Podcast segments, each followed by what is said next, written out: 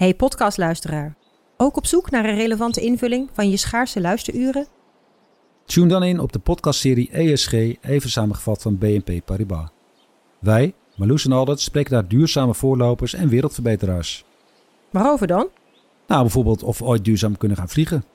En waarom koeien in de stad nou een goed idee is? Dat en meer elke twee weken in een nieuwe aflevering. Dus abonneer je. ESG, even samengevat. Ik ben al jaren ondernemer, maar waar moet ik eigenlijk allemaal aan denken nu ik voor het eerst personeel wil aannemen, voor het eerst ga importeren of voor het eerst een bedrijfslocatie zoek? Weet wat je wel of niet moet doen bij zaken die je voor het eerst oppakt. Check kvk.nl voor praktische stappenplannen. KVK, hou vast voor ondernemers.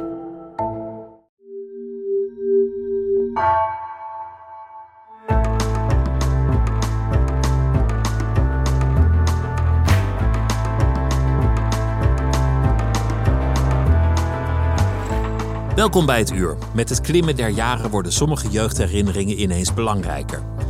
En sommige grote lijnen worden ineens helderder. Adriaan van Dis zit tegenover mij. Hij schreef een roman over een vergeten persoon uit zijn jeugd. Naar zachtheid en een warm omhelzen heet dat boek. En dat verscheen afgelopen jaar. Het gaat over een bange jongen die een beetje op Adriaan lijkt in een postkoloniaal gezin. Een buitenstaander. En nu een essay, De Kolonie Map terug, over datzelfde kolonialisme. Want met de jaren zag Van Dis het allemaal duidelijker. En hij maakte zich steeds kwader. Welkom bij het uur met Adriaan van Dis.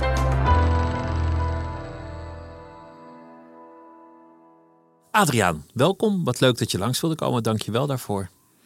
Prettig dat ik hier mag zijn. Hoe gaat het? Ik ben een wrak. Ach, wat een heerlijk begin dit. Ja. Ik ben een wrak, meneer. Nou, ik heb. Ga je al je klachten opzommen? Nee, maar ik had griep en toen las ik Proest en dat weegt meer dan een kilo. Ik zit in een Proest-leesclub en ik heb mij vertild aan Proest. En sindsdien heb ik een soort frozen shoulder, weet ik het wat. Foto's, echo's, slijtage. En ik verga van de pijn. En de meeste pijntjes houden na zes weken op. Maar ik ga nu de vierde week in. We zeuren niet, maar het eh, vreet aan mijn eh, geheel, behalve mijn hoofd. Dus ik ben helder genoeg voor een behoorlijk gesprek. Ik vind het wel heel mooi, je vertellen aan, aan Proest in, in letterlijke Ja, dat klinkt natuurlijk. Ik had ook kunnen zeggen, ik was gaan kolen scheppen. En eh, ik heb bij de kolenkids en de tennis, maar het, is, was, het was helaas. Het is behelpen. Een literaire blessure, een Proestarm. Ja. En lezen boven een kilo, dat vraagt een vaardigheid. Dan moet je eigenlijk een kussen op je buik zetten en zo. Want eh, ja, in elk dik boek zit een dun boek dat eruit wil. Maar bij Proest, ja, dat wordt al lezend alleen maar dikker. Want je krijgt zoveel ideeën en zoveel wolkende fantasieën bij zijn minutieuze zelfontleding en zijn gemene blik op de medemens, dat je het ook heel lang over doet. Ik kom hooguit op 20 bladzijden per uur in het Nederlands. Ik kan het ook in het Frans lezen, dat heb ik eens geprobeerd, maar dan kom ik op vijf bladzijden per uur, want dan ben ik de hele tijd het werkwoord kwijt. En dan moet ik weer terug. Zit er een Proest in jouzelf in die zin dat je jezelf totaal zou kunnen opsluiten omdat je over één zin zit na te denken, omdat je mijmert over de wereld? En, en is de wereld ook een vijandige plek? Is het ook moeilijk om de wereld in te gaan en je onder andere mensen te begeven? Ehm, heb je last van een neurotische kant die, die je. Nou, neurotisch ben de- ik sowieso, maar zit? die probeer ik bij wijze van spreken weg te duwen. Want ik geloof erg in ijver, vlijt, in de helende kracht van discipline. Eh, ik ben niet iemand die heel lang over zinnen nadenkt, maar wel probeert een soort vloeiend schrijven te creëren. En uiteindelijk gooi ik daar driekwart van weg. We leven niet meer in de tijd van hele lange zinnen. Van, van ontleden wat je denkt en alle facetten van je denken en het wikken en het wegen. Maar wat ik wel goed vind van Proest is dat hij zo goed in de spiegel kijkt. En dat hij zo goed zijn eigen psychologie en die van mensen kan doorgronden. Maar het is. eh, ik ben bang dat de aandacht voor zinnen van anderhalve bladzij een beetje een zeldzaamheid begint te worden. Dat denk ik ook. Wat geen zeldzaamheid zou moeten zijn, is in de spiegel kijken en je eigen gedachten ontleden, ontleden. En ook kritisch te zijn van ik vind iets, maar vind ik het wel werkelijk? Is het een nobel iets of is het angst? Of ben ik misschien kwaadaardig? Schuilt in mij de moordenaar? Dat soort dingen onderzoekt hij ook. Je hebt een gedachte, maar is het een werkelijke gedachte, een laffe gedachte? Moet je die gedachte wel hebben? Ja, Ben je nou, je mag alle gedachten jezelf? hebben, want gedachten zijn vrij. Maar maak jezelf niet te nobel en te netjes. Merk je met het klimmen der jaren dat, dat jeugdherinneringen belangrijker worden? Sommige jeugdherinneringen, dat ze er ineens uitspringen. Ze worden zeker belangrijk, maar ik weet ook dat ze zeer onbetrouwbaar zijn. En dat is voor mij niet bezwaarlijk, want ik gebruik die onbetrouwbaarheid, ik gebruik die mythologie. We kennen allemaal de uitspraak van Mark Twain. Hoe ouder je bent, hoe harder je hebt gelopen als jonge man. Dus je hebt de neiging jezelf leniger te maken, jezelf wijzer te maken. Dus als ik jonge mensen spreek die iets niet weten, dus de eerste vraag die ik mijzelf stel: hoe oud was ik? Op die leeftijd wist ik toen wie of dat, enzovoort, enzovoort. We neigen te zeggen, als we bijvoorbeeld naar de slimste mensen kijken, dan zie je jonge mensen die hebben nog nooit van de Gaulle gehoord. Ja, god waarvan ik had ik gehoord toen ik 16 was. Ja, wel van de Gaulle. Maar, en ook wel van Churchill, maar misschien niet van Chamberlain. Die kwam misschien pas later met de geschiedenis naar boven. Dus ik probeer dat te oordelen van de onwetendheid der anderen een beetje te beperken. Uh, en dat gaat ook met de herinneringen. Want ik heb heel veel herinneringen die misschien doorvertelde herinneringen zijn. Of herinneringen die pas later helder worden. bijvoorbeeld, mijn vriendin werd heel erg ziek. Was erg verdrietig. Ik wist dat ze zou doodgaan. En toen dacht ik, wanneer ben ik nou voor het laatst heel erg verdrietig geweest? En toen kwam pas helder dat idee naar boven. Dat was toen de huishoudster van mijn grootvader stierf. Had je me dat vier jaar geleden gevraagd, dan had ik een andere verdriet genoemd dus verdriet kent kennelijk lagen, laadjes. Soms stop je het weg, soms komt het helder naar boven. En ik herkende dat zo in dat mooie boek van Judith Herzberg, Jo, dat net uit is. En daarin gaat deze 89-jarige dichteres zich de vraag stellen: van wie heb ik nou eigenlijk het meest gehouden? Van de huishoudster Jo. Haar, de moeder van Judith Herzberg moest carrière maken. Die had geen tijd om haar dochter op schoot te nemen. Jo, wel in al haar eenvoud. En Jo was ook nog eens een keer een heldin in de oorlog, want die sleepte Judith, een Joods meisje, van onderduikadres naar onderduikadres. En toen heeft ze dat hele mooie boekje geschreven. En nu leven we in een tijd waarin plotseling Maatje Duin, geloof ik, met haar podcast, ja, maar... schrijft. Heet ze nou Duin of Van Duin? Duin. Duin, ja, precies. Ik heb eerder gehoord over die prachtige plantage. Nu dan over dat huis van de adellijke familie van Linden. En daar speelt plotseling een ook een huishoudster een grote rol. We leven dus kennelijk in de tijd dat we betere oren hebben gekregen, een betere bril hebben gekeken om naar die mensen te kijken die er destijds zeer toe deden, maar die we niet goed zagen. Dat is waar je roman over gaat, je laatste. Over Ommi. Ommi is ineens een, een, belangrijk figuur geworden. Want je zegt, we zien ineens mensen die we vroeger voor vanzelfsprekend aannamen. Of over het hoofd zagen. En dat komt door dit tijdsgevricht. Omdat we elke dag worden geconfronteerd. Soms met grommende geluiden, soms met lieve geluiden van, van mensen die zich nu uiten via sociale media. We, onze wereld verandert op allerlei fronten. We zijn beter gaan kijken naar de, de mensen die, die dienden, maar ook mensen uit de koloniën. Stemmen die er altijd al waren. Daarom zeg ik, we hebben betere oren gekregen, want die stemmen waren er, maar we luisterden voorheen niet. Maar je zei terloops ook iets. Je zei, mijn vriendin is dood. Ik, ik, weet over wie het gaat. Ja. Ik weet dat je nooit graag praat over, over je liefdesleven, maar ze is er niet meer. Dat, dat is natuurlijk een heel grote gebeurtenis. En je stelt de vraag van wie heb ik eigenlijk het meest gehouden? Dat is, dat is een hele mooie vraag die je daar nou, jezelf vroeg stelt. stelt. Mevrouw, wanneer was ik voor het laatst zo verdrietig? Ik heb heel veel van Ellen gehouden. Maar nog steeds verkies ik erover, omdat het een lastig pakket blijft om er niet al te veel over te praten. Dat begrijp ik. Maar de, de, vraag van wie, om wie heb ik het meest verdriet gehad, is dit, is dit het grootste verdriet wat je nu hebt meegemaakt? Het is een heel groot verdriet. Een heel groot verdriet en een enorm gemis. En, uh, en daarom geloof ik ook in de helende kracht van discipline. Kijk, mijn moeder, die bijna honderd werd, die mis ik niet. Al moet ik zo nu en dan wel aan dat denken, maar dat was geen warme persoon. Uh, maar nu ik zo oud ben geworden, of ja, zo oud. Ik fiets gewoon nog met een helm op en zo. Uh, ben ik wonderlijk genoeg wel van mijn vader gaan houden. Omdat ik mijn vader steeds meer ben gaan zien als een, als een migrant, als een man die zijn status was verloren. Weliswaar een boze man en kwaadaardig en vreed en, en eten tegen de muur gooiend. En ook mijn moeder uh, ja, in een soort dictatoriaal bewind vasthoudend. Want hij legde allerlei kampmanieren op aan het gezin en ook aan mijn moeder. En toch ben ik nu wel van hem gaan houden. Dus dat, dat houden van en afstand nemen tot, dat kan ook wisselen. Dat is ook een beetje een, ja, een rijnsteentje. Je verschuift het, de zon valt er op een andere manier op. En je kijkt anders naar je verleden en anders naar je sentimentele leven. Dus je verdriet van nu maakt ook dat je anders kijkt naar verdriet van vroeger. Of Zeker, verdriet dat je jezelf misschien niet altijd hebt toegestaan. Ja, ja, kijk, ik weet niet precies hoe je om moet gaan met verdriet. Moet je het groter maken? Moet je het verkennen op Proustiaanse wijze? Moet je dan zeggen, ik ben niet alleen verdrietig, ik ben misschien ook wel boos, of ik noem maar wat. Moet je de gunstige kanten zien? Moet je de ongunstige kanten zien? Hoort een kritische blik op de liefde niet ook tot de liefde? Dat zijn allemaal mooie dingen die je kan verkennen. En als je schrijft, dan ga je daar misschien wat precieuzer mee om, omdat je als het ware de ene bijzin aan de andere bijzin knoopt. En dat komt ook omdat ik in analyse heb gezeten. En je zeven jaar lang op een bank ligt en naar het plafond kijkt. En dan ga je dus wat meer verkennen eh, wat je denkt. En dan ga je ook je eigen jokkebrokkerijen en onzuiverheden zien. En soms ook pijnlijke waarheden eh, aan. Daar zit ook het risico van malen, terwijl je zei discipline helpt tegen verdriet. Maar in dit geval is de discipline ook het malen en het analyseren van de eigen gedachten.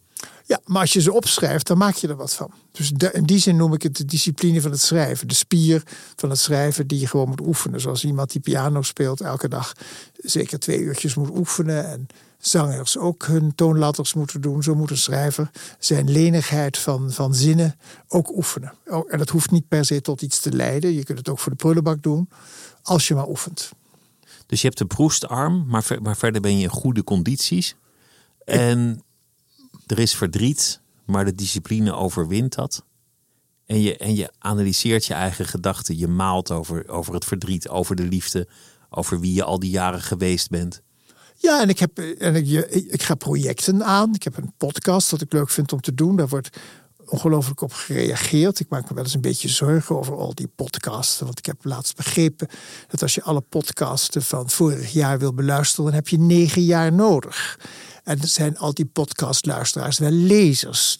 Dames en heren, uit die podcast. Loop naar je boekenkast en neem een boek ter hand. Nou, dat kan ook over, over, over 50 minuten. Dat boek loopt niet weg. Dat, dat kan nog even wachten. Is, is het bange jongetje van, van vroeger dat je beschrijft in je boek altijd bij je? Ja, dat daar raak ik nooit van los. En maar dat wil ik ook niet pretentieuzer maken dan het is. Maar in mij zit een bang kind dat, dat geslagen is, veel geslagen is. Dat eh, ook opgevoed is met verhalen over angst en oorlog. En ik betrap me er tot op de dag van vandaag nog op dat ik mijn eerste reactie er een van angst is. Maar tegelijkertijd zit er ook in mij een jongetje dat weer vecht tegen die angst. Die dan toch op het schoolplein een stap naar voren doet. En toch eh, zijn vinger opsteekt. Om, al weet hij dat iedereen denkt dat hij dom is, hij begrijpt het niet en toch durft hij zijn vinger op te steken. Dus het is een, een heel dubbelzinnig soort angst. Een angst waar ik zelf voortdurend mee in gevecht ben. Nog steeds. Dat, Ja. is, dat is eigenlijk je hele leven bij je gebleven. Ja, ja. En ook dat je jezelf soms ziet in de ogen van anderen. Eh, of je eigen accent. Dat je je bewust bent dat mensen denken dat je arrogant bent omdat ik bekakt praat. Terwijl het ook maar een accent is uit het gooi. Iedereen in mijn lagere school sprak zo, dus dat heb ik overgenomen. Ik had het graag neutraler willen doen, maar dat is me niet meer gelukt. Maar ik ben wel een papegaai, ik kan iedereen nadoen. Maar ik merk bijvoorbeeld als ik in de tram zit... en ik reis veel met de tram en het openbaar vervoer... dat ik altijd heel erg op mijn kivive ben, extra beleefd ben... mensen voor laat gaan, eh, praatjes probeer te maken... en me probeer te ontdoen van mijn ogenschijnlijke arrogantie...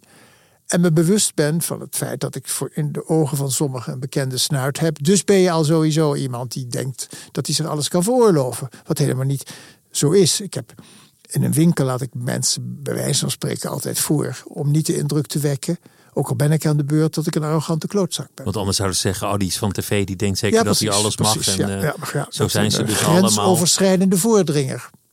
Wat zou er gebeuren als je de angst zou toelaten en, en hem niet zou bevechten? Al was het maar een dag. Ja, dan zou ik een, dan zou ik een, eh, een zeurende klager worden. Dus ik, ik hupsakee. Een soort proest Je moet, eigenlijk. ja, ja, dat is... Het was een zeurende klager volgens Nou, mij. het is een geniale zeurpiet. Uh, en hij verkent heel goed zijn eigen gevoelens. Uh, en in die zin is hij. En hij, voert niet veel uit. Althans, hij hoeft er niet voor te werken. Hij hoeft geen vuile handen te maken. Voor zover hij vuile handen had, was het van de inkt. En hij uh, wordt. Kent, weet wat personeel is. Dus dat is wel heerlijk. Ik geloof niet dat hij zelf ooit een kopje koffie heeft gezet. Dat werd hem aangereikt. Uh, en in die zin kon hij daar uh, kon hij heel erg stilstaan, of vooral stil liggen. Met de, de pen in de hand bij alle gedachten die hem overvielen. Maar zo leven wij niet. Ik geloof echt in hupsakee, de afwas doen, stofzuigen, de boel aflappen. Ik ben erg voor poetsen en schoonmaken. En ik maak ook elke dag lijstjes voor de dingen die ik moet doen. En ik, dan ben ik tevreden als ik dat, die lijstjes heb afgewerkt. Dus ik behoor niet tot de mannen die de afwas een week laat staan. Ik behoor niet tot de mannen die hun broek niet opperst. Nee, ik behoor tot de mannen die uh, orde, tucht, reinheid, regelmaat. En daar drijf je nu op in tijden van rouw en verdriet. In zekere zin, ja. En ik raad het iedereen ook aan. Doe die dingen nou. Laat het niet versloffen. Get rhythm if you start to get the blues, zong ja, Johnny zoiets, Cash. Ja, ja. Ik vind het zo mooi gegeven dat, dat er zo'n figuur is in je jeugd. Iemand die wel op de foto staat wellicht, of, of die in je herinnering voorkomt. Waar, waar je nooit veel over hebt nagedacht en die ineens een hele belangrijke rol kan spelen in je leven. Omdat je denkt, die was belangrijk. Nee, ik denk dat heel veel kinderen zeker vandaag de dag met werkende ouders, maar die hadden wij dan niet. Althans, mijn moeder werkte niet, mijn vader was werkeloos. Uit logeren werden gebracht of bij grootouders. Uh, en dat werd ik ook, omdat het bij ons lastig was. Mijn vader die, die was vaak erg in de war of sloot zich op of moest uit slapen gaan in een inrichting voor een paar weken. En dan was mijn moeder heel erg bezig. En daar vond ik een ogenschijnlijke rust. Pas later begreep ik dat deze Ommie die kwam in dat gezin toen mijn moeders moeder stierf in het kraambed. En een broertje van een paar weken en mijn moeder drie jaar oud. En dan komt er een meisje uit een arm gezin. Op je veertiende ging je al werken. Leerplicht was tot twaalf, geloof ik, nog in de jaren twintig, dertig van de vorige eeuw. Die komt in een groot gezin en dat is een meisje van dag en nacht. En die ja, die voedt zichzelf op samen met die kinderen. Die leest met die kinderen. Die leert tafeldekken. Die komt bij een, boerenfamilie met een zekere traditie. Met tafelzilver en, en veel poeha. En ja, dat neemt ze over. Maar uiteindelijk is het iemand die met een antropologische blik naar dat wonderlijke gezin heeft moeten kijken. Naar mijn moeder, die op haar negentiende plotseling met een hele donkere man thuis kwam. Een jongen uit Bandanera, die op de Koninklijke Militaire Academie in Breda tot officier werd opgeleid. Dat accepteerde ze. Mijn grootvader had er grote moeite mee. Uh, ze accepteerde alles. Ze, ze, accepteerde dat ze ging trouwen met deze man. En Omi mocht getuige zijn, waar ze heel vereerd door was. Ze ging naar Indië, stuurde brieven naar Nederland en kaarten en foto's. Die werden allemaal ingeplakt in een album met witte inkt bijgeschreven. Dat zijn de herinneringen die wij nu tastbaar hebben gekregen na de oorlog. Want niemand kwam met foto's uit een Jappenkamp of uit een Japans interneringskamp, zoals ik nu zo netjes zeg. Dus zij is de vrouw die de familie bijeen heeft gehouden. En omdat ze juist uit een heel ander milieu kwam, een groot gezin van ja, armoe en, en, en, en, en, en een heel bedeesd leven, heeft ze zich ja, zo open opgesteld en zoveel dingen niet vreemd gevonden en niet, heeft ze niet veroordeeld, dat ze uiteindelijk degene is geweest die ja, heel veel heeft betekend voor mijn moeder, haar drie dochters. Mijn moeder kwam na de oorlog terug uit het kamp. Haar eerste echtgenoot bleek onthoofd te zijn door de Japanners, drie bruine meisjes. Uh, dan mijn vader, dat was mijn verwekker toen nog, nog getrouwd in Indonesië met een vrouw die zich van hem had laten scheiden voor de wat toen heette Mohammedaanse wet. Allemaal hele lastige dingen die niet pasten in een traditioneel boerenleven. Dus zo belanden we in een, in een repatriantenhuis. Zij heeft dat allemaal geaccepteerd. En dat, dat besef is pas later ontstaan door veel telefonades met mijn lieve neef, neef Huip van Dis, die ook dood is en zomaar stierf twee dagen voor kerstmis. Die mij elke dag belde, onder andere over Ommi. Want wij gingen samen op zoek van, weet je eigenlijk hoe ze heet? Nee. Wat was haar achternaam? Geen idee. Wat was haar betekenis? Plotseling zaten we twee oude mannen, hij in de tachtig en ik moet het nog worden, te praten over een belangrijk figuur uit onze jeugd die we toch niet voldoende een plaats hadden gegeven. Waar we veel te weinig van wisten. En de enige die jou ooit een, een, een knuffel gaf of een omhelzing. Wat heet die? Ze zat aan mij, ze stopte mij in het bad. Eh, ik had galbulten. Wij wisten niet waarvan. Zogenaamd was ik besmettelijk voor, of besmettelijk, allergisch voor chocola en aardbeidjes. Ik was gewoon allergisch voor mijn vader. Uh, ik was een doodzenuwachtig kind. Ik werd naar de gebedsgenezer Middeljans in Schorel gestuurd. Die knippende vingers, kwaaie geesten, achter mij stond weg te duwen en in gebed ging. En dat hielp ook vast wel. Maar uh, wat alles helpt als je er maar in gelooft. Maar wat echt hielp, is dat ik bij Ommi kwam. En ik werd in een tijl met azijn gezet. En ik werd heel erg intiem gesponst. En, en, en daarmee verdwenen de galbult. En het was ook nog een oma of een ommie met een gemoed. Ja, niemand weet vandaag de dag nog wat een gemoed is. Maar dat is een deftig woord voor buste. En ik weet het niet, maar vroeger hadden vrouwen van het formaat van Ommi nog bustes waar je echt u tegen zei. Met een geweldig mooi gleufje waar je als kind heerlijk in kon blazen. Nou, dat liet ze allemaal toe. Uh, nou, die lichamelijkheid, die was er bij ons thuis niet. Mijn moeder moest niet veel hebben van een kind dat aan haar zat. Je was bang voor je vader, want je vader was, was onvoorspelbaar, misschien wel getraumatiseerd. Ja, dat woord gebruikten we niet. Dat was hij natuurlijk. Ja, het was een man die zelf in een weeshuis had gezeten, die op zijn zestiende de, de, het leger inging. Dat was voor hem een ontsnapping. Het was een, uh, ja, en ook het gevoel van, ja, een, eh, een jongen moet flink zijn ik heb dat zelf ook wel een beetje hoor, die cultuur van flink zijn en niet zuur, ziet zeuren. Maar hij, ja, hij sloeg erop, alaal, zoals dat heet. Dat hoorde kennelijk ook een beetje bij die Nederlands-Indische cultuur van mannen. Koud afdouchen, ja, dat is ja, die heel interessant. Ja, ja zo Mark Rutte vaders die hun zonen slaan. Ja. Mark Rutte komt ook uit een, een, een, een soort van Indische familie. En die heeft er, er, vaak een soort politieke filosofie van gemaakt. Dus flink zijn, schouders eronder. Bij jou komt het nu ook terug in tijden van rouw. Het eerste wat je zegt is flink zijn, discipline hebben, doorgaan. Ja, maar ik neem geen koude douche. Mijn vader wel. Ik kan er totaal niet tegen. Maar het is toch, toch dat mantra van je opvoeding dat dan ineens sterk aanwezig blijkt. Ja. Niet, niet gaan liggen huilen in bed. Nee. Doorgaan. Ja. Ja, wat moet ik erop zeggen? Het heeft geen zin om uh, in bed te blijven liggen. En om het meelij met jezelf te hebben. Eén dag mag wel. Ja, nee, maar ik, en ik verwen mezelf ook wel een klein beetje op mijn manier. Ik, ga heel veel naar de film op het ogenblik.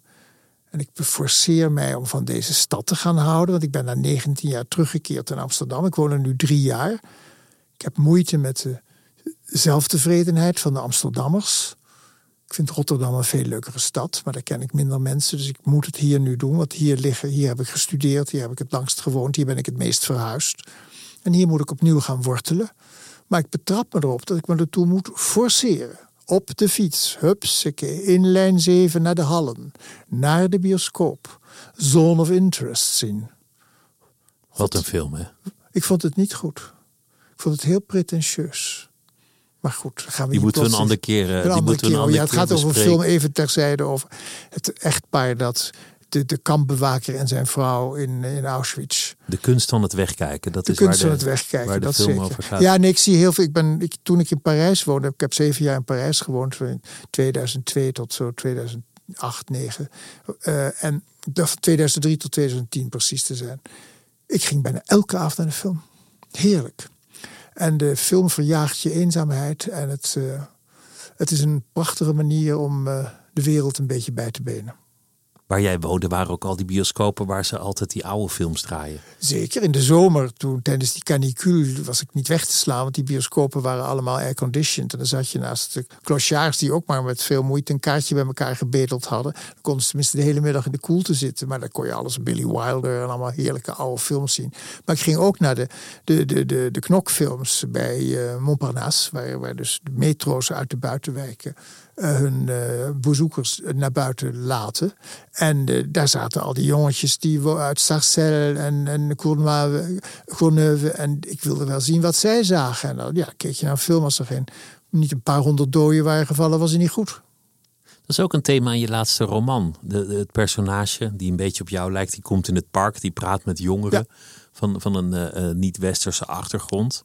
Het, je, je jeugd speelt zich af in een echt koloniaal gezin, maar jij hebt het allemaal niet meegemaakt. Nee, maar Dus- ik wilde wel heel graag horen bij die kinderen die het wel hadden meegemaakt. Ik wilde bij de bruine kinderen horen.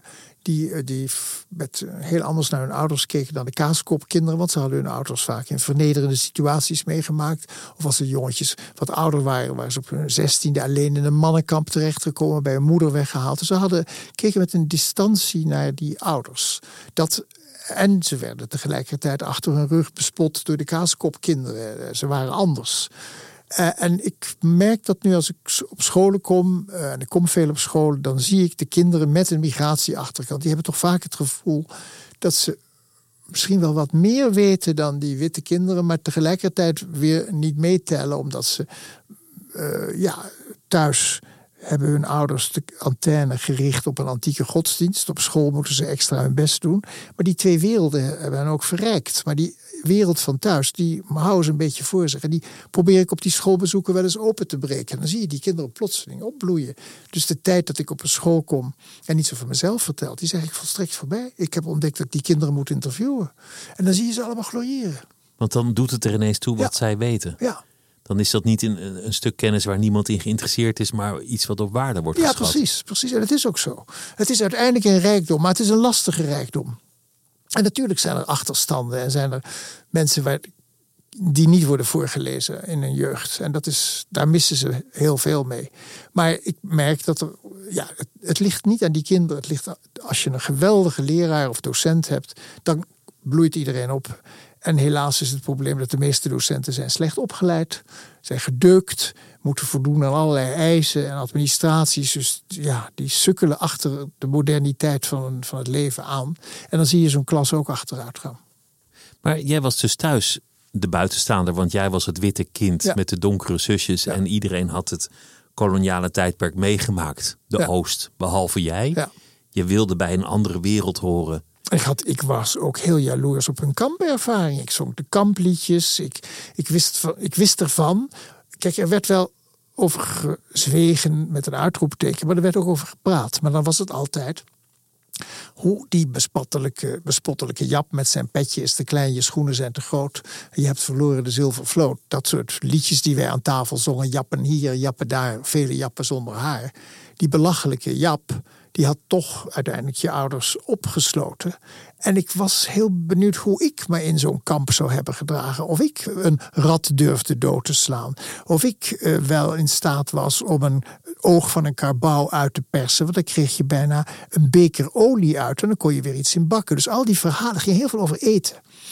En ik weet nog dat ik een keer een, een, een, een, interview had voor een schoolkrant. Want ik was zelf ooit hoofdredacteur van de schoolkrant. Dus ik heb in het begin dacht ik elke schoolkrant eh, die mij wil interviewen, zeg ik ja tegen. Er kwam er een jong meisje en ik vertelde over de kampavonturen van mijn zusjes. En de kop van het stuk in de krant was, schoolkrant was... ik had dolgraag in een concentratiekamp gezeten. Beetje eh, ruw samengevat, maar ik was wel jaloers op ze. Omdat, je niet kon meepraten. Nee, en Dat, ook omdat dat is het. ze hadden een ervaring die ik niet had. En dat dat klinkt natuurlijk bespottelijk, want ik weet ook dat die kampen hen beschadigd hebben. En zeker bij mijn oudste zusje gewoon drieënhalf jaar van haar jeugd heeft afgenomen. Maar eh, ik heb altijd met een. Ik, herkende ze altijd wel meteen, die kinderen die zo'n kampervaring hadden. En ik was jaloers op hun onafhankelijkheid. En, en ik was ook jaloers hoe mijn zusjes bijvoorbeeld naar mijn vader keken. Ze hebben hem weliswaar uitgekozen zelf kort na de oorlog in een evacuatiekamp in Palembang. Toen zij daar met hun moeder zaten, die nog verzwakt was van de dysenterie. En al die kinderen rondzwierven. En er kwamen allemaal mensen van kampen terecht. Dus daar was, ja, de hormonen begonnen weer te bloeien. Toen kwamen ze die mooie meneer tegen. Mijn vader was een hele mooie man. En die namen ze mee naar mijn moeder. En hij bood toen aan aan mijn moeder, die toen nog niks wist over het lot van haar eerste man, dat hij zou helpen zoeken naar haar echtgenoot. Nou ja, resultaat van die zoekactie zit nou hier. Het was niet de bedoeling. Maar dus aanvankelijk bewonderden ze deze leuke man. Later zagen ze hoe getikt hij was en dat hij de tafel legde met een centimeter. En toen ging- namen ze afstand van hem en- en keken met spot naar hem. Daar had ik grote moeite mee, want het was toch mijn vader.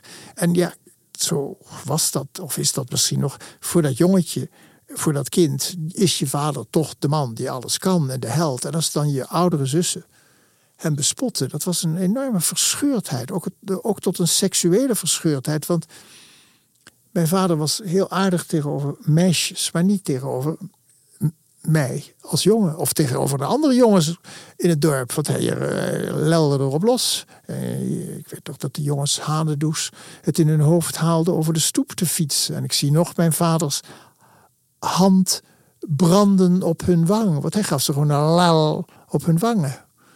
Toen mijn vader, toen ik mijn boek Indische Duinen uitkwam, uh, alweer eeuwen geleden, in uh, 394 of zo, kreeg ik allerlei brieven van jongens die door mijn vader waren geslagen. Dus ik was niet de enige.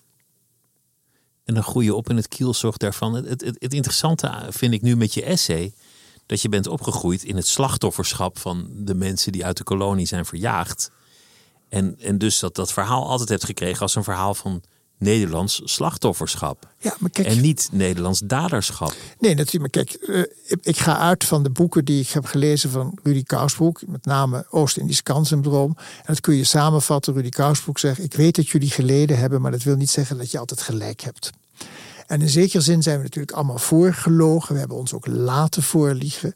En de mensen die terugkwamen uit die kampen berooid, niet doorbetaald. Uh, dus ook als ze soldaat waren geweest, het soldij niet doorbetaald. Bij Nederlandse soldaten in het Nederlandse leger in Nederland wel. Uh, verzekeringen die, die je schade niet uitbetaalden als je huis was leeggeroofd of afgebrand. Dus mensen kwamen hier berooid, uh, wegstatus, opnieuw beginnen met de meest nederige banen, vaak bijeengepropt in contracthotels, repatriantenhuizen, hoe je het noemen wil. Um, en tegelijkertijd merk je dat je je verhaal niet kwijt kan bij de Nederlanders. Want die hadden zelf uh, akelig gehad, hongerwinter.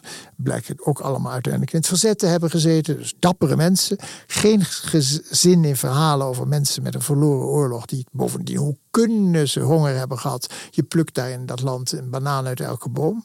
En dan kreeg je voorzichtig ja, het verhaal van de Joden. Die was wat overkomen. Die groep verdikkie, 6 miljoen Joden vermoord. Uh, van de 100.000 Joden afgevoerd in Amsterdam, waar, waar, een heel klein groepje van terugkwam. Dus er was ook een heimelijke leedconcurrentie. Waarom kunnen wij ons niet zo verenigen zoals zij? Dus dat speelde ook een rol. Leedconcurrentie is een vrij verboden, raar woord, maar ik weet toch dat mijn vader de dagen achter een, een, een, Remington die daar in dat huis circuleerde, allerlei rekesten zat te schrijven, omdat hij recht had op dit en recht had op dat en op backpay en dit en dat. En altijd nul op het rekest.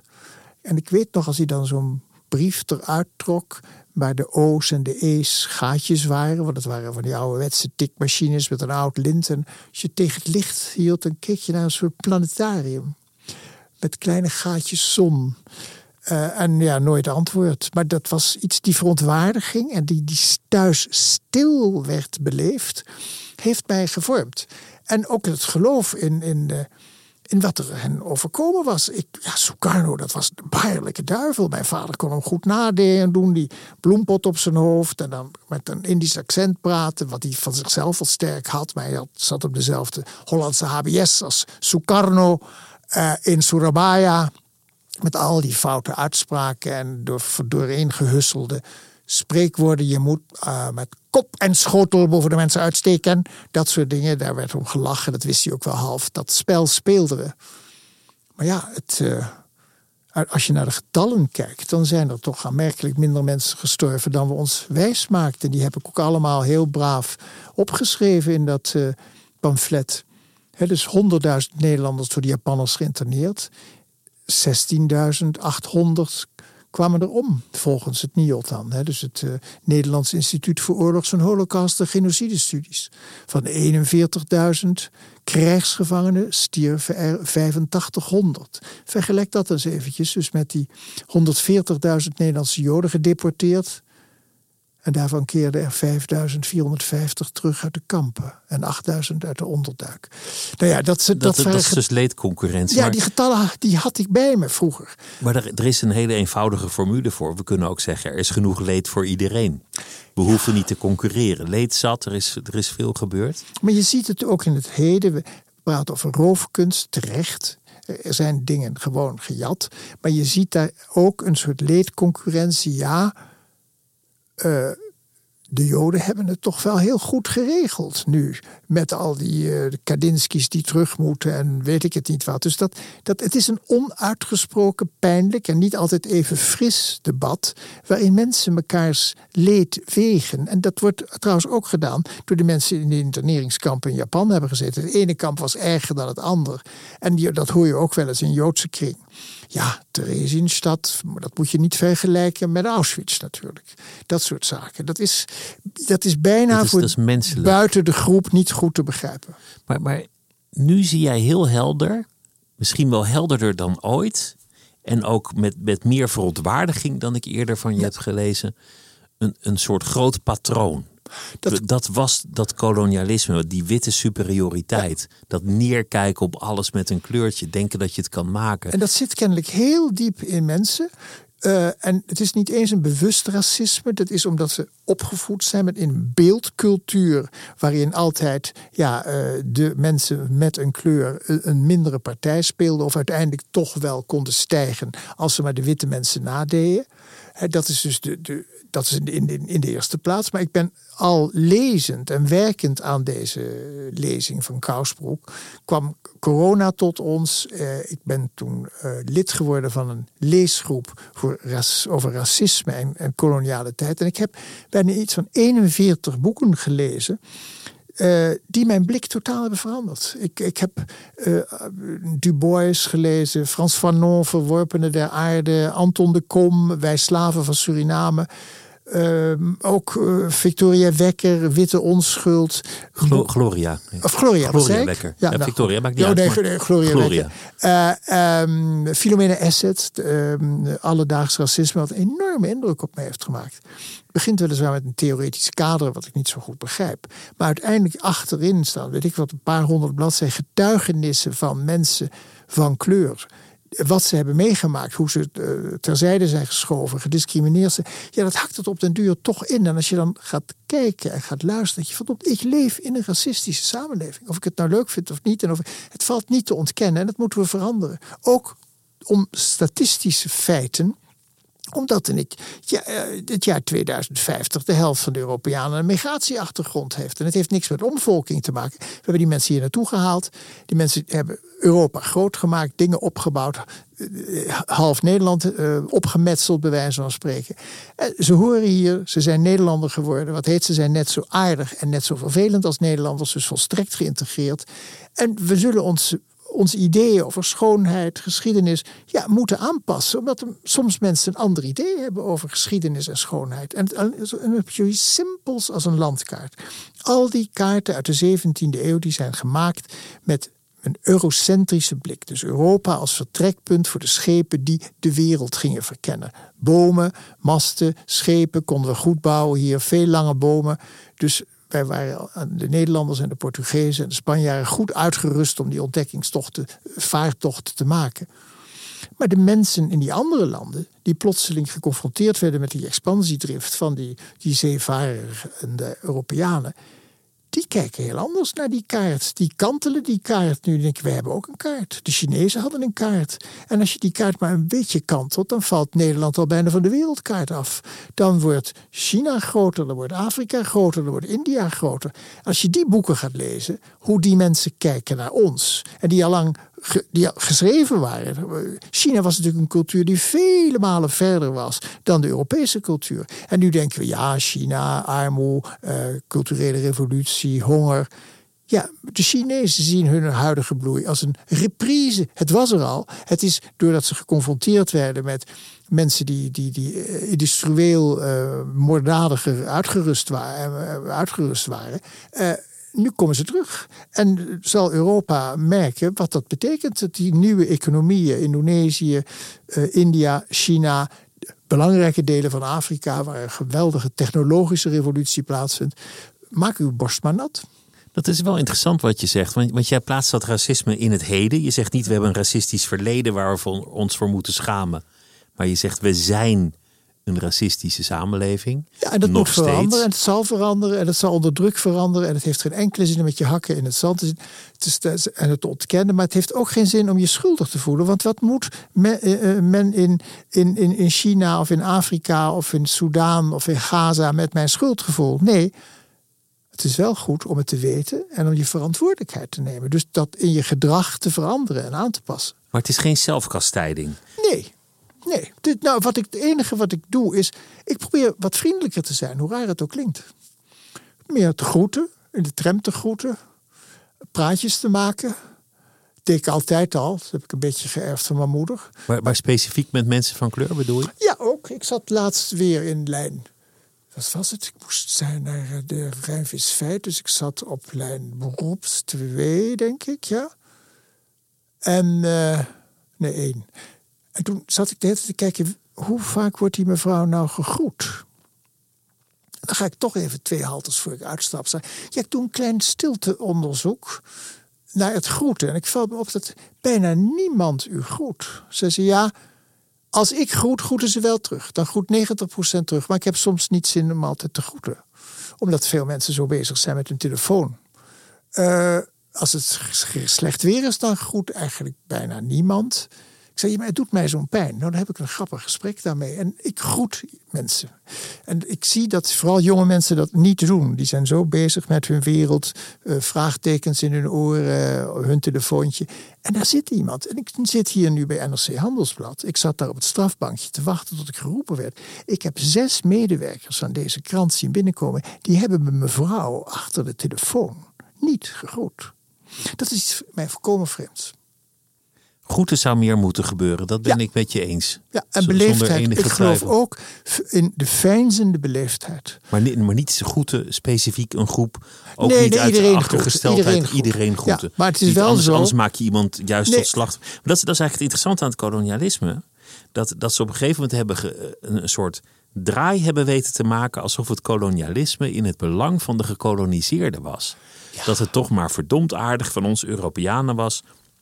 om die mensen de beschaving in te helpen. En vooral een ziekenhuis te brengen. En dat Kijk, die mensen waren achtergesteld en zielig, maar, maar goed En dat we ze hebben het ons op een hebben. akkoordje gegooid met de feodale heersers. Dus er werd een soort uitbuiting die er al was. Maar die machinerie werd alleen maar verfijnd door de aanwezigheid van de witte mensen. Er werd een piramide getekend. Boven top was wit. Daaronder zat dan de gemengde mensen, zogenaamde ook mensen met Arabisch, Oosters bloed. En daaronder was een hele grote groep van de oorspronkelijke bewoners. Waar een aparte wetten voor bestonden, aparte wetboeken, enzovoort, enzovoort. Eh, en dat werd met de, de, de lokale heersers op een akkoord gegooid. In die zin eh, was het soms een bestendiging of een, of, een, of, een, of een verheviging van een al uitbuitingsmechanisme. Maar het mooie is dat juist met die kennis die gebracht werd, in, met die de kennis van de verlichting, eh, de mensen die opgeleid werden, plotseling beseften dat die witte mensen weliswaar mooie ideeën hadden, maar dat ze er niet naar leefden. Dus ze werden er bewust van dat ze uitgebuit werden. En toen kreeg je dus het verschijnsel van de wilde scholen in de kolonie Nederlands-Indië. Het medium was Nederlands, maar wat werd er onderwezen? Niet ot en zien. Maar ideeën over vrijheid, onafhankelijkheid, revolutionaire ideeën van, van, van Mao, van Nehru. En die scholen werden de hele tijd gesloten. Er is zelfs een roman over verschenen, die kwam uit voor de oorlog met een inleiding van. Dus van ze mochten zich wel beschaven, maar, maar niet op een manier dat, dat ze ze, moesten zich schikken in. Ja. En dat, trouwens, dat hele woord beschaven is natuurlijk een bes- bespottelijk woord. Dat was in de 19e eeuw een algemeen begrip. Beschaafd, dat was westers. Nou ja, nu weten we wel anders. Maar het, het gaat ook door in onze huidige samenleving dat, dat je mensen altijd als zielig zou bestempelen of tot slachtoffer maken of aanspreken alsof ze in nood zijn en, en jij de redder bent. ja, dat, Dat, is, dat zijn eh, allemaal manieren om uiteindelijk iemand kleiner, niet groter te maken. Ja, nee, dat is een. Dat, en dat is dat, daar moet je je op betrappen dat je dat zelf niet doet. Dat je, dat je in je betrokkenheid niet ook weer bevoogdend wordt. Het, het, is, het zijn ook hele lastige tijden. Dus soms gaan de debatten zo ver. Dat ik, Adriaan, trek je terug. Hou je mond. Dit is nu aan de groep om dit te doen. Ga niet plotseling eh, kritisch zitten zijn. Natuurlijk slaat het soms door. Dat hoort erbij. Het corrigeert zich allemaal zelf. Ik vind het alleen interessant om verslag te doen van mijn ervaring, van mijn voortschrijdend inzicht. Dat ik anders ben gaan kijken naar mijn eigen verleden, naar de leugens die mij voorgehouden zijn. Dat ik niet meer uh, Sukarno bespot. Integendeel, maar onder de indruk ben van zijn toespraken. Als je die leest, en veel van die toespraken zijn in het Nederlands geschreven. Als je naar hem kijkt, hoe hij gebruik maakte van de verhalen van Wayang-cultuur. en dat hij die politiek vertaalt en dus massa's bewust maakt van hun situatie, dan heb je geweldig respect voor die man. Ook al kan je allerlei negatieve puntjes eraan strepen dat hij hier en daar wel eens een beetje wat makkelijk omging met andermans geld. Ik ben anders gaan kijken naar hem, maar ook anders gaan kijken naar het continent Afrika. Naar wat daar gebeurd is. Dat dat op een conferentie in, in, in Berlijn in stukken is gesneden, dwars door talen en culturen heen. En nu lees je dus steeds meer dat Afrika zegt: wonderlijk. Er zijn zoveel correspondenten uit Europa bij ons hier in het continent, onder de Sahara vooral. Maar hoe lastig is het niet voor ons om correspondent te worden in het Westen? Waarom laten wij niet toe dat er een Nigeriaanse correspondent kijkt naar hoe het Koningshuis Oranje zich heeft verrijkt? Waarom zijn we altijd zo gericht op de corruptie van die zogenaamde Afrikaanse leiders? Nou, dat is interessant. En, ze, en ze hoeven ons ook niet meer, als, ik bedoel, als Europa. Je merkt dat ze, dat ze gewoon in veel Afrikaanse landen niet meer op donorgeld uit de EU zitten. Nee, te tegen wachten. het meeste geld dat binnenkomt, komt via de Afrikanen zelf die hier werken en dat sturen naar hun familie. Meer dan we via ontwikkelingshulp En krijgen. ze, ze willen geen bevoogdende praatjes meer van voorwaarden of, Ja. of, of richtlijnen. Ik hoorde een fantastische lezing van een mevrouw uit Kenia bij de, de Mandela-lezing, eh, die elk jaar gehouden wordt, dit jaar even niet door omstandigheden. En die, de samenvatting was: Leave us alone.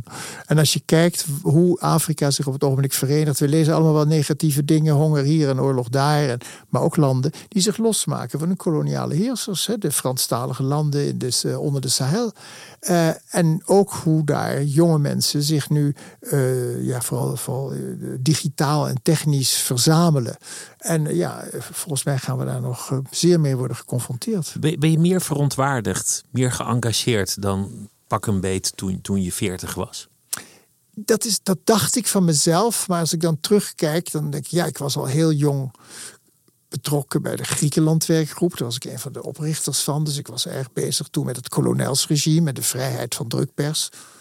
Eh, ik ben Zuid-Afrikaans gaan studeren, dus het Afrikaans, die taal van die boer. eh, omdat ik zo geïnteresseerd was in die kleurbevindelijkheid van die Afrikaner.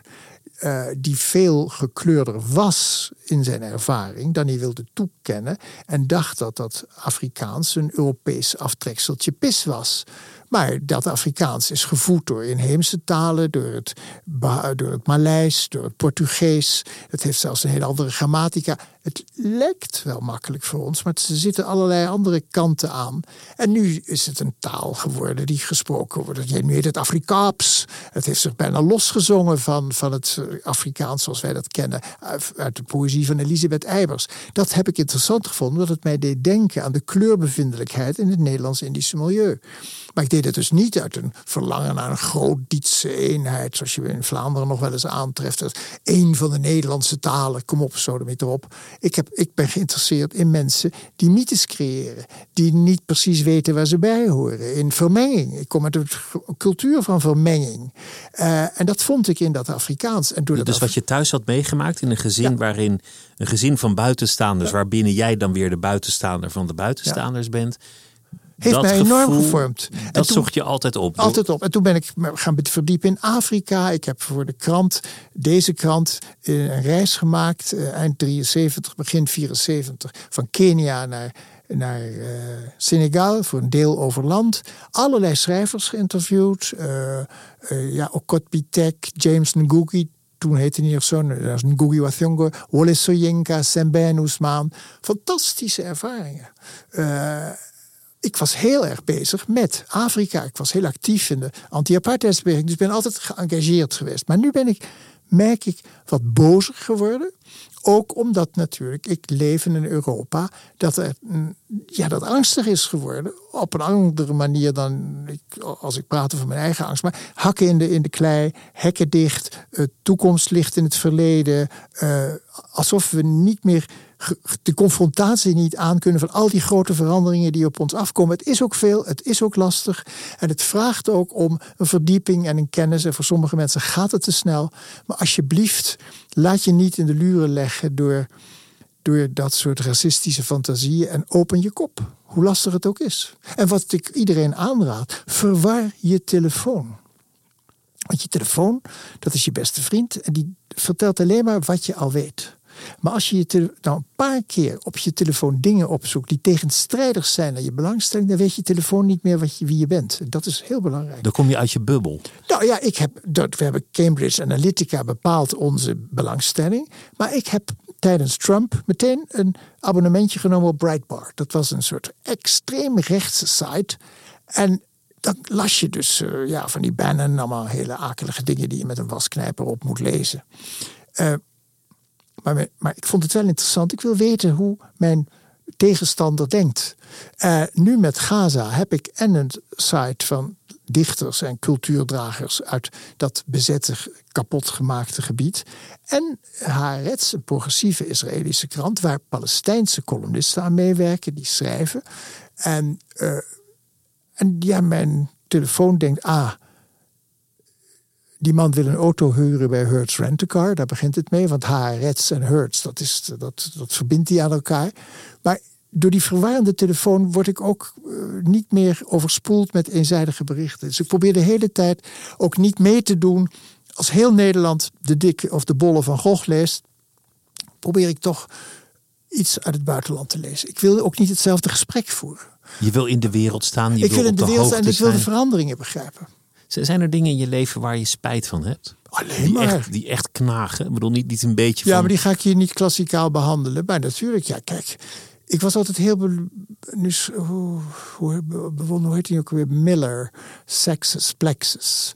Guilt is a waste of time. I never regretted anything in my life. Dat kan ik niet zeggen. Ik word verteerd door de dingen die ik verkeerd heb gedaan. Het enige wat je kan doen is herneem het. Uh, verbeter jezelf. Dat is heel belangrijk, verbeter jezelf. Toen ik het een keer heel moeilijk had, heeft Marcel Meuring mij aangeraden... lees meditaties van Marcus Aurelius. Dat is een soort godsdienst zonder God. En daarin kun je leren hoe je omgaat met tegenslag. Daarin kun je leren hoe je omgaat met mensen die je niet goed gezind zijn. Leer ervan, verbeter jezelf. En als andere mensen je dat niet vergeven, dan moet je te doen hebben met die mensen. Maar en verbitter niet. Verbitter nooit. Gij zult niet verbitteren. Schrijf dat nou eens op je spiegels morgens, heren van in de zeventig, met jullie gestremde carrières. En denk dat de oplossing ligt in nog een fles. Gij zult niet verbitteren. Op welk vlak ligt de, ligt de spijt? Zijn het conflicten? Ja, ook slordig. Slordig in de omgang geweest. En, en, en niet netjes. En, en, achter je piemel aangelopen. Nou ja, ik ben niet, niet zoals vandaag de dag dat allemaal gebeurt. Maar toch dingen waarvan ik denk, dat had ik beter kunnen doen. En niks meer aan te doen natuurlijk. Nee, nou ja, wederom uh, voel je niet meteen schuldig. Maar verbind er consequenties aan en verbeter je gedrag. Je staat er versteld van hoe je jezelf kunt verbeteren. Elke dag weer. We zijn helemaal niet klaar. Maar, maar dan, dan verbeter je. Maar die verbeterde versie die zal hoe dan ook minder tijd op aarde hebben dan, dan de onverbeterde ja, versie dat, die ja, achter je ja, ligt. Als je dan zo gaat kijken, dan. Uh, ik vind dat je. Het, het, ik wil niet uh, dat je als een heilige de kist ingaat. Maar ik geloof wel in verbetering van jezelf. En bovendien, ik voel me er beter bij. Hoe raar het ook klinkt. Als ik mij behoorlijk beweeg. Als ik op iets doe waarvan ik denk, hier heb ik iets goeds gedaan voor een ander. Ja, dat klinkt allemaal heel hoogvaardig. Dat hoeft die ander niet te weten. Dan voel ik me beter. Dat draagt ook bij tot mijn eigen levensgeluk. Het zijn hele kleine dingetjes. Ook wel eens in bij Albert Heijn. En daar staat iemand voor je. En je ziet dat hij niet breed heeft. En die heeft boodschappen geroem, heeft maar een tientje. En dan moet hij twee dingen terug en het weegt. En dan zeg ik gewoon, ik heb net iets gewonnen en daar kan ik ook niks aan doen. Ik betaal het. Dat lieg ik gewoon. Dat, betaal, vind ik heerlijk. En ik weet dat het, oh wat ben ik een goed mens. Daar doe, ik het, daar doe ik het ook om. Ja, wat ben ik een goed mens. Ik vind het leuk om mensen te helpen. Punt uit klaar. En doe dat ook. Zeur er niet over. En maak het niet mooier en groter dan het is. Wel grappig dat, dat termen als een goed mens of een deuge mens of, of ja, dat is een scheldwoord. allemaal goed mens is een beetje geworden. het ergste woord wat er is. Ja, ik geloof in de goed mens. Verbeter jezelf. Het begint bij een ander. Je bent openlijk een deugdmens en je bent woke en je bent een goed mens. Ja, en je ik ben bent ten allemaal dele woke. Want woke is dus, kijk, ik ben niet voor het verbieden. Ik, ik ben niet voor het bevorderen van de safe space. En er zijn jonge mensen die vinden dat de universiteit een safe space moet zijn. Dat je niet geconfronteerd moet worden met, met akelige dingen en ook met boeken die lastig zijn. Jongens, meisjes, dames, heren, mensen. Die universiteit is juist een oefening in ongemak. Daar moet je je laten confronteren met alles wat je moeilijk en ingewikkeld vindt. Want het leven is lastig. Harnas je met kennis. Kennis en nog eens een keer kennis. Lees dus ook die vervelende boeken. We staan vaak op de schouders van die mensen die vervelende boeken hebben geschreven. Die hebben we nodig. Dus niet zeggen, ik wil nooit meer kijken naar het schilderij van Picasso. Weet dat Picasso onaangenaam was in de omgang met vrouwen. En probeer ook goed naar zijn werk te kijken. Dan zie je misschien iets anders. Kijk het monster in de bek. Ja. Je, je- je had het over je neef die dood is, over, over je geliefde die dood is, over nou ja, je moeder, je vader. Allemaal Iedereen is dood, Iedereen ja. is dood op een gegeven moment. Ja, ja dat, is, dat wordt en jij wat. tikt, je tikt maar door. Eh, Nou ja, ik weet ook niet hoe oud ik word, maar ik... eh, Dat, dat is een vraag die bijna niemand ooit kan nee, beantwoorden. precies. Nee, nee, nee. Maar ik vind wel dat het zo... Je hebt van die seizoenen dat je plotseling akelig veel op zorgvliet komt, ja. Wat, wat voor gedachte roept dat bij je op? Is, is, heb, je, heb je daar nog iets tegenover te stellen van die, die dood? Van nou, ze hebben, ik hoor wel eens mensen, ze hebben het goed daar. Of eh, die, die komt Oh, ik geloof, daar geloof ik helemaal niet in. in, in, in. Dood is dood. Maar goed, dat is dan mijn geloof.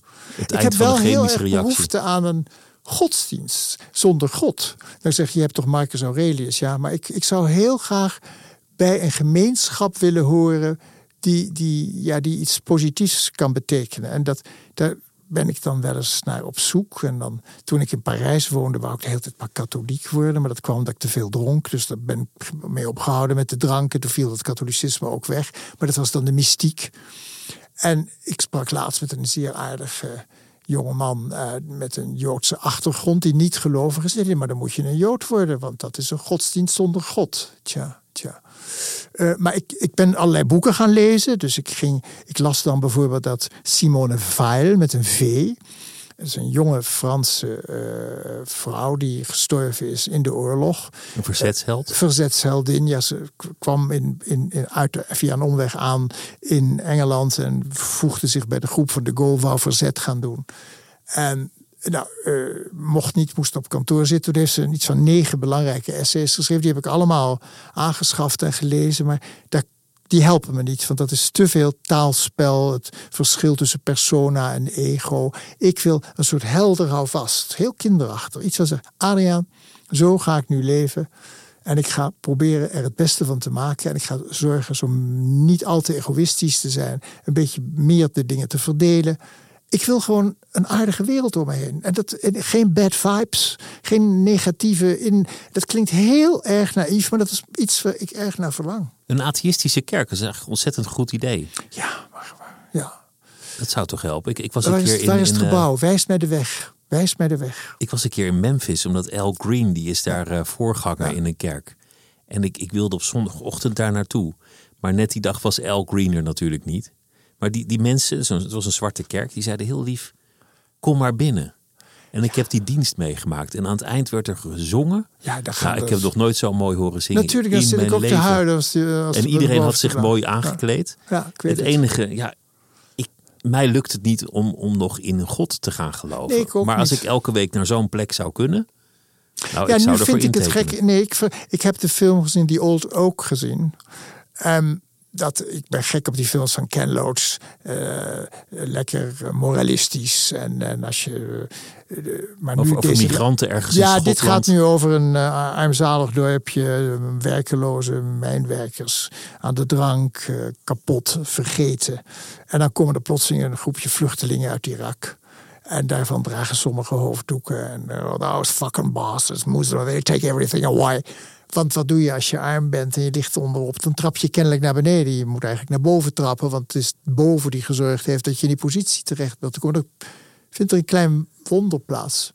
Maar er vond ook in die bioscoop een wonderplaats. Want de tranen welden op en ik zat naast een wildvreemde meneer. Die hoorde ik huilen, dus die tikte ik voorzichtig op zijn arm. Ik zei, ben blij dat u ook huilt. Zei die man, ik zit op drie kwartier te janken. En ik zat te janken en links naast mij zat de hele bioscoop zat te huilen. Ja, dat was een Ja, ik dacht, misschien is dit mijn godsdienst, maar ik weet niet of tranen je ergens brengen. Maar dat, daar, daar wordt ook de gezamenlijkheid. De bioscoop was een soort kerk? Of, ja, ja, een kerk in het donker. Ja, kerk in het donker, ja. Nee, maar ik, ik weet het. Misschien vind ik het nu door Proest te lezen. Of vind ik het in de poëzie, dat helpt mij ook. Maar ik weet, ik voel een heel sterk verlangen naar een gemeenschap. Ik, die, die zich ja, vindt in een soort messias. Uh, maar niet een, een bedweter die over het water kan lopen en die een verrader nodig heeft om heilig te worden. Uh, niet een man die altijd voor moet dekken aan tafel omdat je nooit weet wie komen kan. Maar iets gewoon zeggen, ja, hier geloof ik weer in. Kom jongens, laten we er het beste van maken, want we staan voor enorme veranderingen en laten we niet verbitteren. Ik weet dat het heel naïef klinkt, maar ik, je moet wat op je oude dag. Niet verbitteren is een mooi advies. Ja. Adriaan, dank je wel dat je langs wilde komen. Het was een groot genoegen. Dank je wel. Plezier, zeggen ze in Zuid-Afrika. En dat was het uur voor deze week. Volgende week is er een nieuwe aflevering. Het uur wordt gemaakt door Mira Zeehandelaar. Productie en techniek Celine Cornelis. En mijn naam is Pieter van der Wielen. Tot volgende week.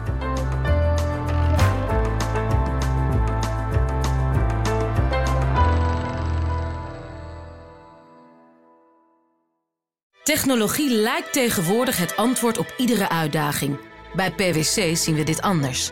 Als we de potentie van technologie willen benutten, kunnen we niet zonder een menselijk perspectief. Human-led, tech-powered noemen we dat. Ga naar pwc.nl.